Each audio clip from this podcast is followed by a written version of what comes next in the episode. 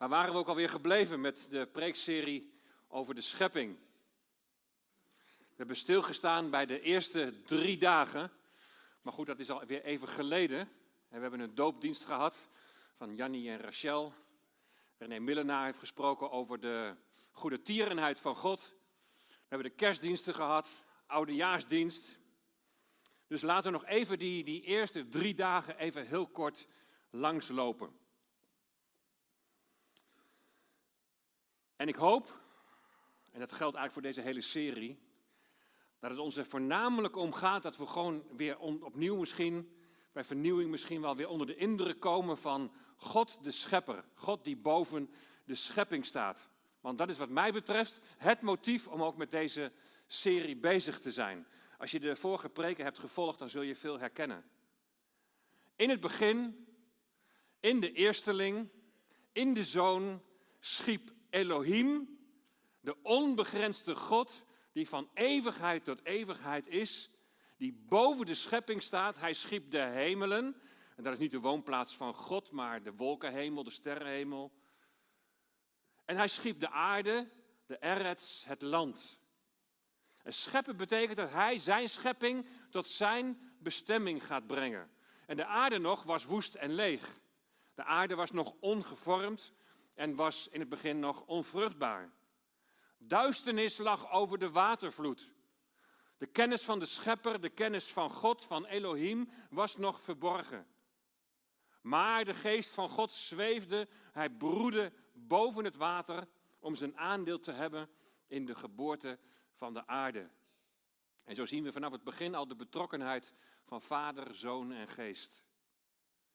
En als eerste doet de Heere God het licht aan. Laat er licht zijn. Er zij licht. En dat is niet het licht van zon, maan en sterren. Het is wel licht dat werkelijk licht is, maar tegelijkertijd de aanwezigheid en de glorie en de majesteit van God representeert.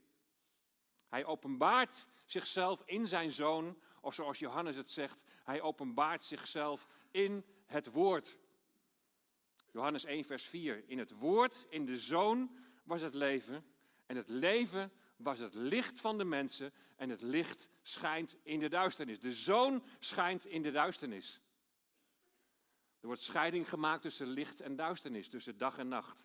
Dus direct vanaf het begin is er al onderscheid tussen dag en nacht, zonder dat de lichten van de vierde dag al zijn geplaatst. Het was avond geweest en het was morgen geweest, de eerste dag. En de aarde is één grote watermassa. En dan zegt God, laat er een gewelf, een rakia, een, een uitgestrektheid zijn in het midden van het water. En laat dat scheiding maken tussen water en water. En vaak wordt aangenomen dat dit een verwijzing is naar wat we vandaag de dampkring of de atmosfeer noemen. En de wateren boven het uitspansel zouden dan de wolken zijn. Maar tegen die opvatting is in te brengen dat in de versen 14 tot en met 17, die we zo meteen gaan lezen over de vierde dag, dat daar duidelijk gesteld wordt dat de zon, de maan en de sterren in die uitgestrektheid, in dat uitspansel werden geplaatst. Daar kun je dan de wolken daar nog weer boven plaatsen. Wordt lastig. Maar dan rijst de vraag, waar moeten we ons dan voorstellen stellen bij dat uitspansel? En het water boven het uitspansel en eronder.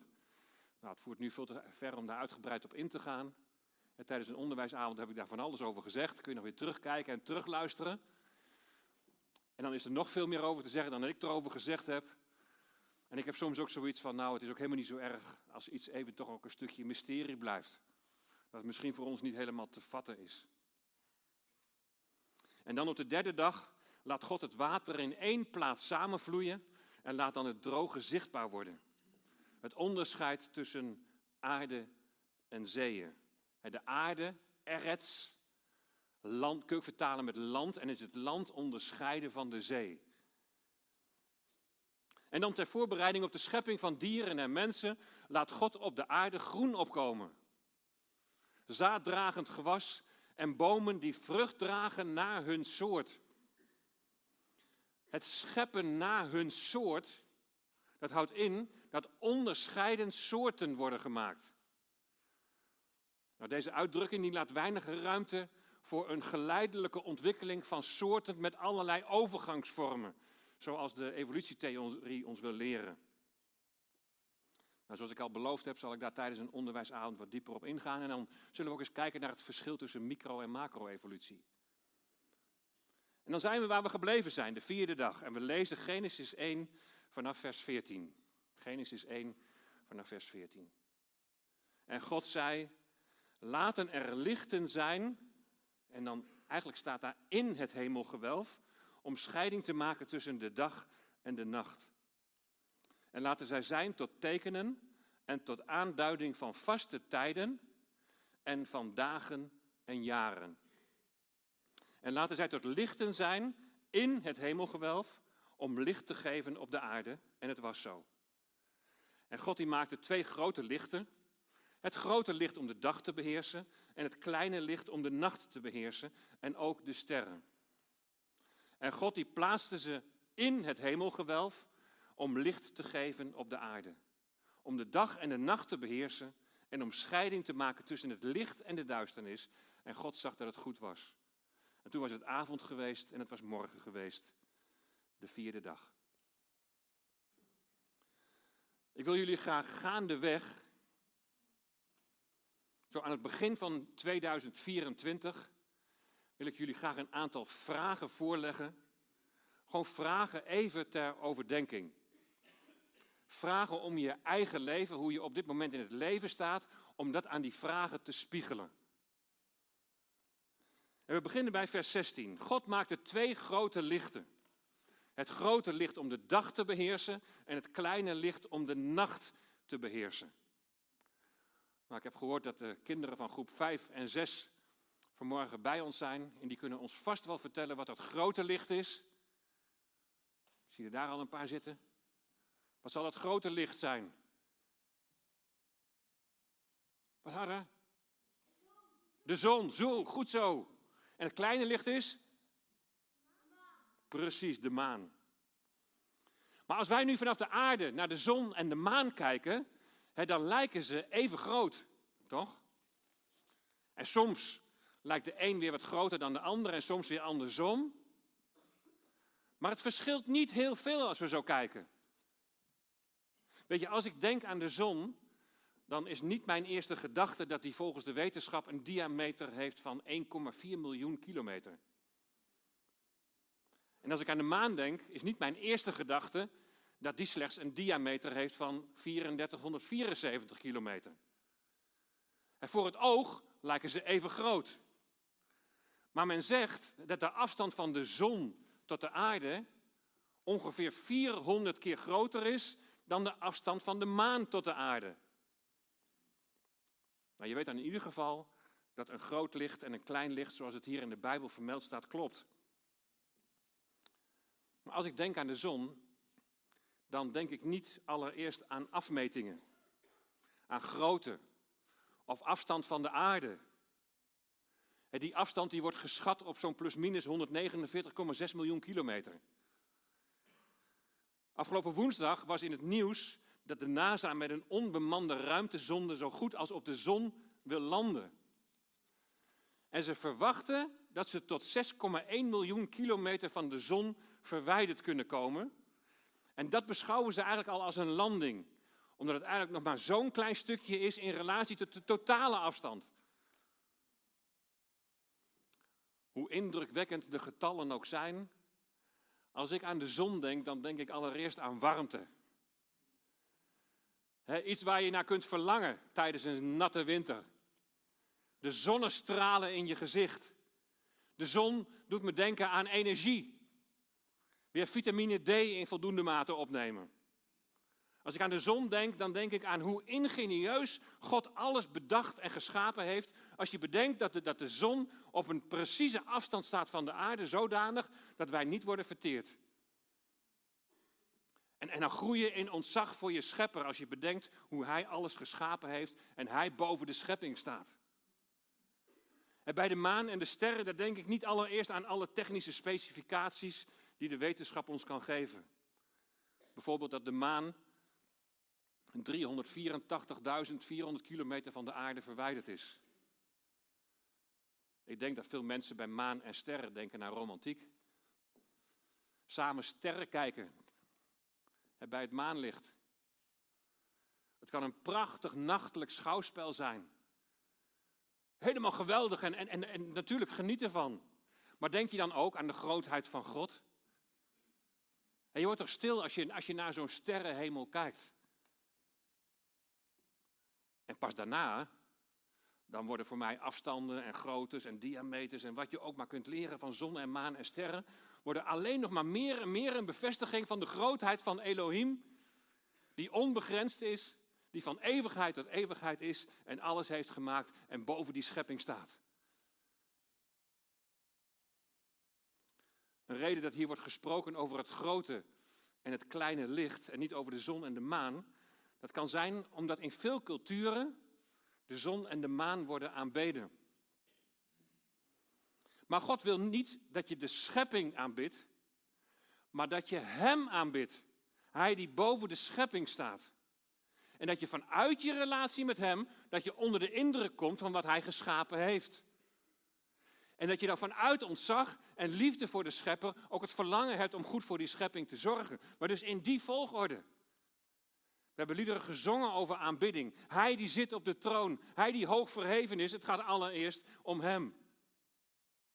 En je ziet in onze tijd dat er heel veel zorg is over de schepping. En ik denk ook dat dat een teken is van de eindtijd. Een schepping die in al haar delen zucht. Maar je mag ook je vraagteken stellen bij de motieven van mensen om herstel te willen brengen in de schepping. Want de schepper, hij die boven de schepping staat, blijft veelal buiten beeld. En, en, je ziet dat er dan keuzes worden gemaakt tot zover de mens het goed uitkomt. En waarbij economische belangen vaak belangrijker zijn dan het goed zorgen voor de natuur. En dat brengt me bij vraag 1. Zo helemaal aan het begin van 2024. Ben je nog vol ontzag voor je schepper, je maker, hij die alles geschapen heeft? Is hij de bron van jouw aanbidding? Prijs je hem om wie hij is? Heb Psalm 113, vers 3. Van waar de zon op komt tot waar zij ondergaat, moet de naam van de Heere geprezen worden. En daar zie je, aanbidding is niet een optie, maar het is een opdracht. De naam van de Heere moet geprezen worden. Vraag 1. En de vervolgvragen, die hebben te maken met de vraag waaruit blijkt dat je God aanbidt met meer dan alleen maar woorden of liederen. In hoeverre is aanbidding je levensstijl? Nou, laten we verder kijken. Het gaat deze vierde dag om het maken van het grote en het kleine licht en ook de sterren. Vanaf dag 1 hebben we gezien, is er al sprake van een scheiding tussen licht en duisternis. En dat het licht dag wordt genoemd en de duisternis nacht. En nu op de vierde dag worden er lichten in het hemelgewelf geplaatst om dat onderscheid aan te geven. Een scheiding tussen dag en nacht. En weet je, dat, dat stelt jou en mij voor een keuze. Het dag of nacht is op zich geen keuze. Die afwisseling die gaat maar steeds door. En wij gaan daar ook in mee en we gaan daar doorheen. En de ene keer is het gewoon dag en de andere keer is het nacht. En normaal gesproken zijn we overdag wakker en s'nachts slapen we. En dat heeft ook met onze biologische wekker te maken. Normaal gesproken gaan we daar normaal doorheen. Het is wel een keuze of je in geestelijk opzicht een kind van de dag of een kind van het licht wil zijn. En dat is vraag 2. Daar begint aanbidding van Elohim mee. Daar begint aanbidding van God mee. Het verlangen om zijn kind te zijn. Kun je met heel je hart volmondig zeggen: Ik ben een kind van God. Ik behoor Hem toe. En is de overtuiging in je hart geweest? Of is de overtuiging misschien nu in je hart dat je daartoe gered moet worden? Gered uit de duisternis van je bestaan, een verduisterde geest, gebrek aan kennis van je schepper, een leven los van Hem, een leven los van God, een leven los van Hem die boven de schepping staat, dan, dan leef je per definitie in duisternis. Hoe netjes je misschien ook probeert te leven. Duisternis, dat betekent een leven dat gevangen is in de macht van de zonde, waardoor je niet anders kunt dan zondigen. En daaruit moet je verlost en bevrijd worden.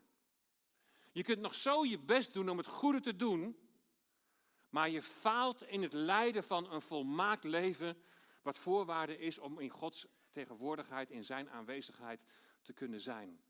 Daarom moet je verlost worden van die macht van de zonde die, die je doet zondigen. Ben je al verlost? Ben je al overgegaan uit de duisternis in het licht? Is bij jou het licht al aangegaan? Dan moet je bij het licht van de wereld zijn. Dan moet je bij de Heer Jezus zijn. Hij, de Heer Jezus, ging de duisternis in. Tijdens zijn kruisiging viel de duisternis in gedurende drie uur. En in die duisternis was hij van God verlaten. Hij droeg de straf voor jou en mijn zonde. En in die duisternis versloeg hij Satan, de heerser over de dood. Hij verbrak de macht van de zonde. Hij verbrak de macht over de dood. En dan, een heerlijk morgenlicht breekt aan. De Zoon van God is opgestaan. Het bewijs dat de macht van de zonde is gebroken. Het bewijs dat de macht van de dood is gebroken. De dood kon Jezus niet vasthouden. De Satan, de heerser over de dood, kon hem niet vasthouden. Geloof je in de Heer Jezus, vertrouw je op Hem. Ga dan met Hem in zijn dood. Dat betekent sterf aan je oude zondige leven. Door te erkennen dat je een zondaar bent. En dat je zonder in Hem te geloven en Hem te erkennen niet gered zult worden. We hebben een hele confronterende boodschap. Het evangelie is een confronterende boodschap. Het is of gered worden of het is verloren gaan. Het is hemel of het is hel. Zo zwart-wit is het woord van God. Laat dat oude leven begraven worden door op Jezus te vertrouwen die begraven werd. En door in Hem te geloven, door op Hem te vertrouwen, sta je ook met Hem op. Het licht breekt door in Christus een nieuwe schepping. En wat is het mooi om dat in de doop te laten zien, zoals we dat net bij Annemieke hebben gezien. Met Christus gestorven en opgewekt. Het oude is voorbij. Het nieuwe is gekomen. Je kunt 2024 niet beter beginnen dan deze weg te gaan als je die weg nog niet gegaan bent. Getrokken uit de duisternis tot zijn wonderbaar licht. En je kunt zelf bidden. En je kunt zelf daarom vragen. Ga in gesprek met Jezus. En vertel hem dat je van nu af aan op hem wilt vertrouwen. Dat je gelooft dat hij ook voor jou zonde is gestorven aan het kruis van Golgotha. En dat zijn opstanding garantie is ook voor jou eeuwig leven. Want weet je, als je niet gered bent, dan is aanbidding is onmogelijk. Dan is er geen toegang tot de Vader. En tot de zon kunnen de mensen niet naderen. Met een onbemande ruimtezonde komen we misschien tot 6,1 miljoen kilometer van de zon verwijderd. Maar onze God, voor wie in de Bijbel de zon als beeld wordt gebruikt, die is benaderbaar. Hij die boven de schepping staat, is benaderbaar voor ons als mensen. Wat een wonder, wat een wonder van genade dat er toegang is door het bloed van de Heer Jezus, door het offer van de Heer Jezus dat Hij bracht in jouw plaats. In Hebreeën 10, vers 19 staat dat je met vrijmoedigheid in kunt gaan in het heiligdom, daar waar God woont, door het bloed van Jezus, door het offer dat Hij heeft gebracht. Zijn liefde en genade. Zijn redding aanvaarden betekent dat je God kunt naderen om Hem te aanbidden. Want je beleidt daarmee dat niets uit jezelf je kan redden. Nee, het is aan Hem alle dank en aan Hem alle eer. Aan Hem alle glorie dat Hij zijn Zoon gezonden heeft die je heeft gered. Blijf niet op 6,1 miljoen kilometer afstand, maar kom tot Jezus, die ervoor heeft gezorgd dat jij niet wordt verteerd op het moment dat jij in Gods nabijheid komt. Wil je een kind van de dag, een kind van het licht zijn. En er zit een vervolgvraag aan vast. Vraag 3. Als je een kind van God bent geworden, wandel je ook waarachtig in het licht. Ik vraag niet of je een volmaakt leven leidt, maar wel of het je hartsverlangen is om Gods wil te doen. Zoals we het net hebben gezongen, laat mijn wil de uwe zijn. Niet mijn wil, maar uw wil geschieden. De Heere God navolgen, de Heere Jezus navolgen, is ook een kwestie van zwart of wit. Er is geen grijs. Het is dag of nacht. Het is licht of het is duisternis. Het is hemel of het is hel. Navolging en verlangen om te gehoorzamen en te doen wat Hij zegt, dat is Elohim aanbidden. Aanbidden in geest en in waarheid. Waarheid wil zeggen dat jouw leven overeenstemt met wie je in Christus bent geworden. Waarheid betekent een nieuwe levenswandel, waarbij geldt niet meer ik, maar Christus leeft in mij. Je wil je aan zijn wil, zijn wil die hij in zijn woord openbaart, aan zijn wil wil je je onderwerpen. Laat mijn wil de uwe zijn. Dat zou de grondhouding moeten zijn van ons persoonlijk leven, maar ook de grondhouding van ons gezamenlijk als gemeente. Johannes die schrijft in zijn eerste brief in hoofdstuk 1, vers 6. Als wij zeggen dat wij gemeenschap met Hem hebben, met de Heer Jezus hebben, en wij toch in de duisternis wandelen, dan liegen we en dan doen we de waarheid niet. De waarheid is dus ook een doen. Wandel in het licht met Jezus en luister naar zijn dierbare stem. Maar let op, zijn wil doen kun je niet vanuit jezelf.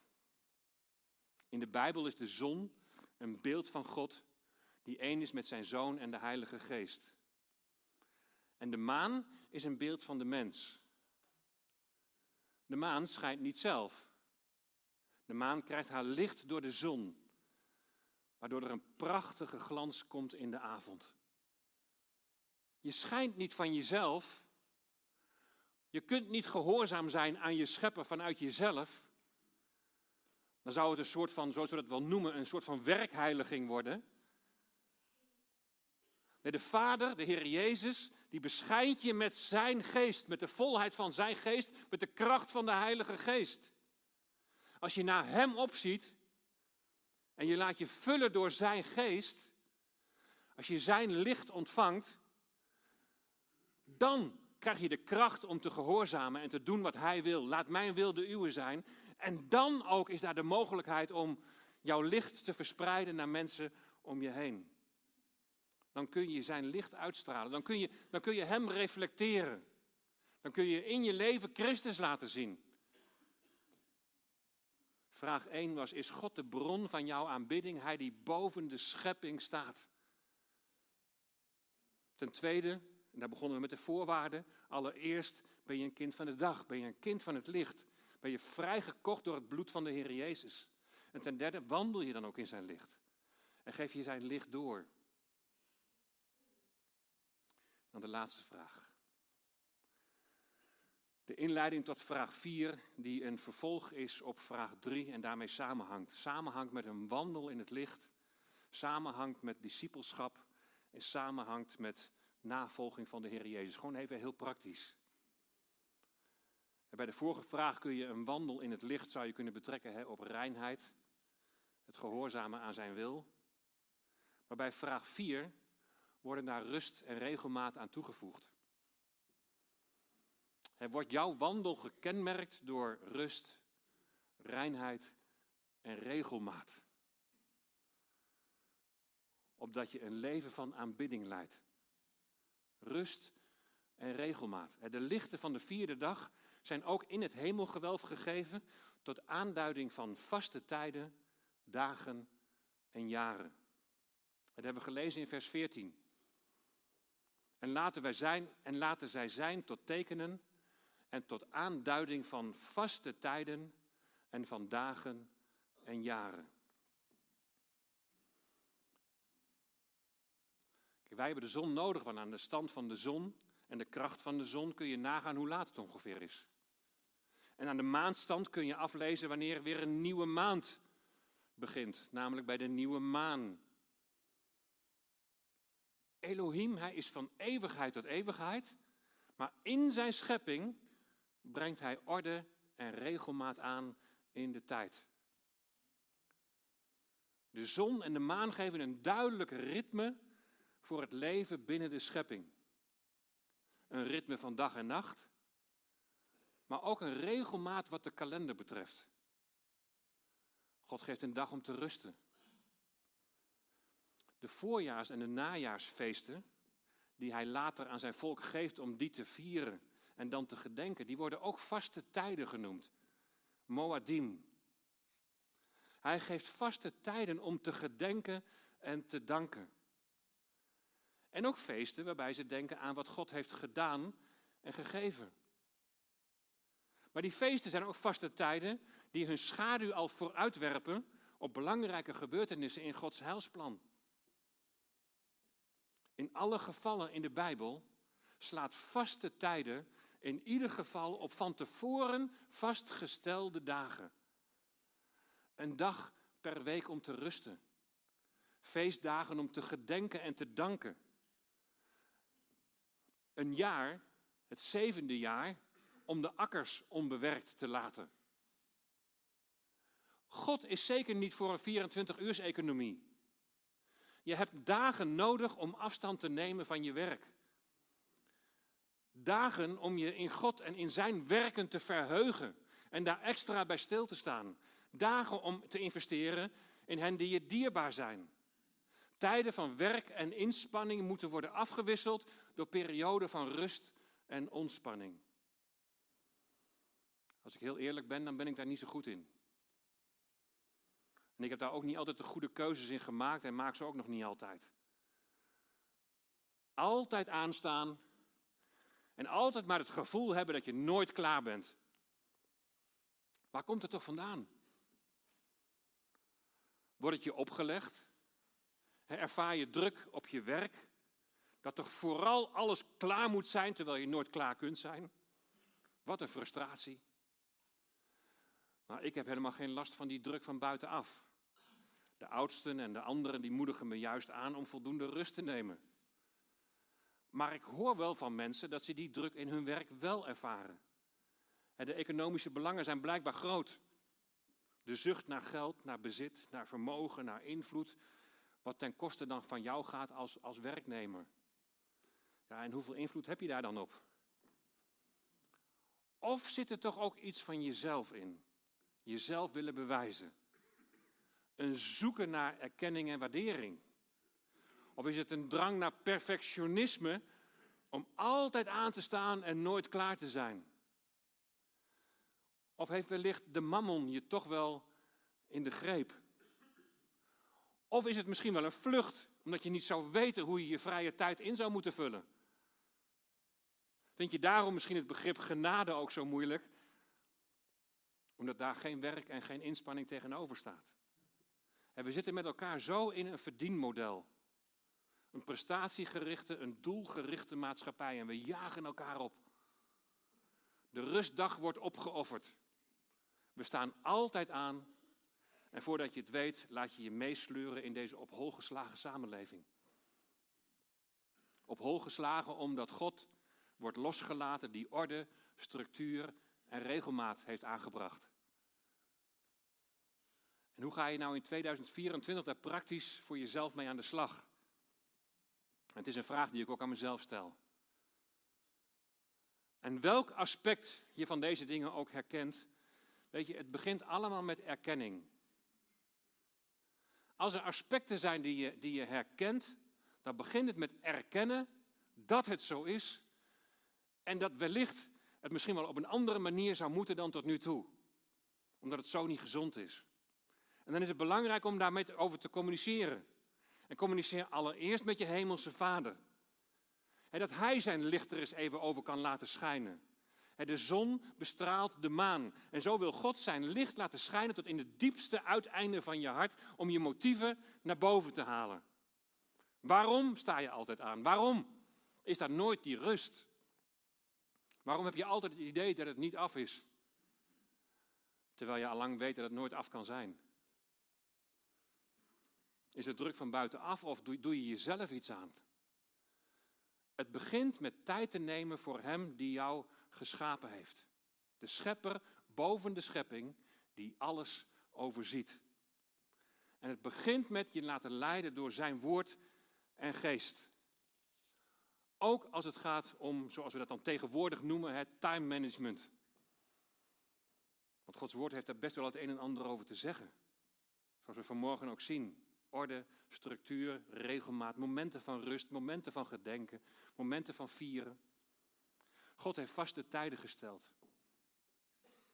Mijn gebed is dat 2024 een jaar van rust en reinheid en regelmaat zal zijn voor jou en mij.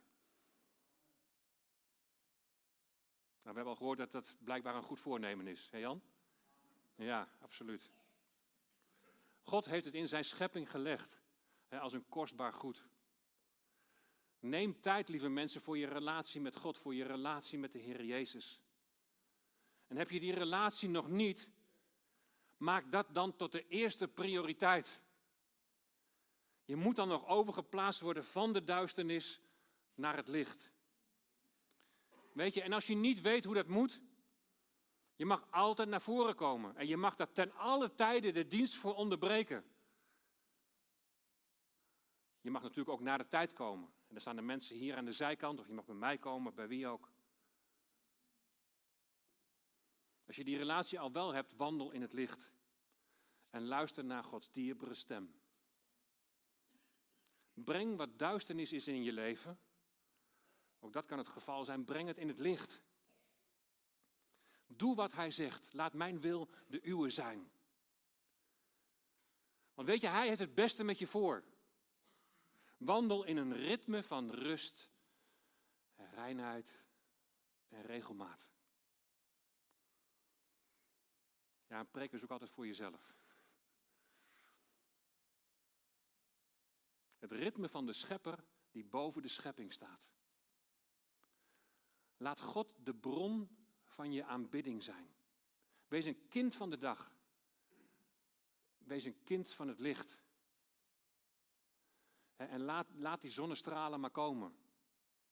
Neem ze maar om, op, opdat je een stralend licht mag zijn voor de mensen om je heen. Weet je, als je leeft naar Gods orde, en als je leeft naar Zijn structuur, en als je leeft naar Zijn principes, dan zul je, hoe dan ook, zul je onderscheidend zijn in deze wereld. Dat zal ook betekenen dat het licht dat jij verspreidt niet altijd zal worden verdragen. Hou daar ook rekening mee. Als je denkt aan de droom van Jozef, dan kun je je zon, maan en sterren op vader, moeder en kinderen toepassen. Het traditionele gezin naar Gods orde wordt bewust en georganiseerd onderuit gehaald. God heeft mannelijk en vrouwelijk geschapen. Daar komen we straks in Genesis nog wel aan toe. Ook dat kun je, mannelijk en vrouwelijk, kun je betrekken op zon en maan. Wereldwijd wordt mannelijk en vrouwelijk in veelsoortige onderwijsprogramma's als een onacceptabel onderscheid gezien. Ik hoorde afgelopen week nog. Ga je in Amsterdam naar NIMO, waar programma's zijn voor leerlingen van primair en voortgezet onderwijs, MBO en de PABO, om daar allerlei proefjes te doen in het Science Museum, dan is er nu ook een aparte genderafdeling. Waar de vragen worden gesteld: ben je nou eigenlijk man of ben je vrouw? En wat voor kleren zou je willen dragen? Een genderideologie die, die niets met Gods orde te maken heeft. En die wordt zo even uitgerold. Wereldwijd en op alle plekken. Zon en maan kun je ook betrekken op bruid en bruidegom. Bewust en georganiseerd en geïndoctrineerd wordt het huwelijk niet meer beperkt tot man en vrouw zoals God dat in zijn orde heeft bepaald. Kortom, jouw licht kan als aangenaam worden aanvaard. Dat mensen zoiets hebben, maar, maar dat wat jij hebt, dat wil ik ook. Maar het kan tegelijkertijd ook gigantisch confronterend zijn. Dat mensen het niet kunnen verdragen.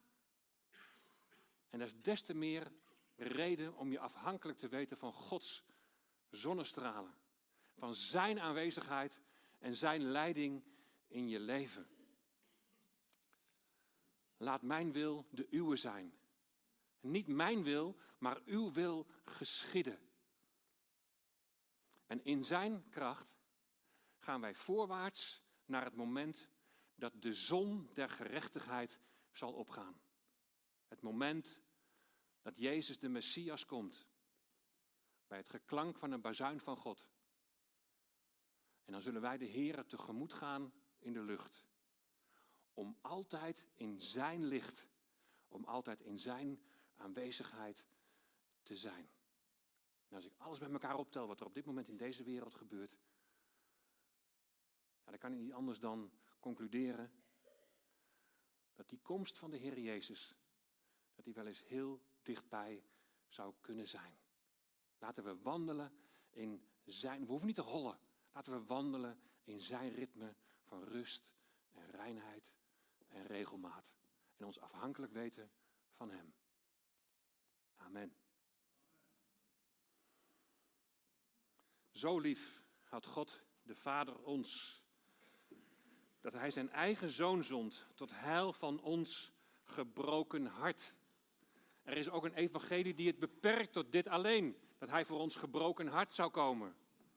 Maar gelukkig is er een tweede couplet wat zegt, want dat is wel zo, maar er is ook een tweede couplet die zegt, o zie de mens daar aan het kruis, met al mijn schuld beladen. Beschaamd hoor ik in mijn eigen stem hem logenen en smaden. Het was mijn zonde die hij droeg, totdat hij riep, het is volbracht.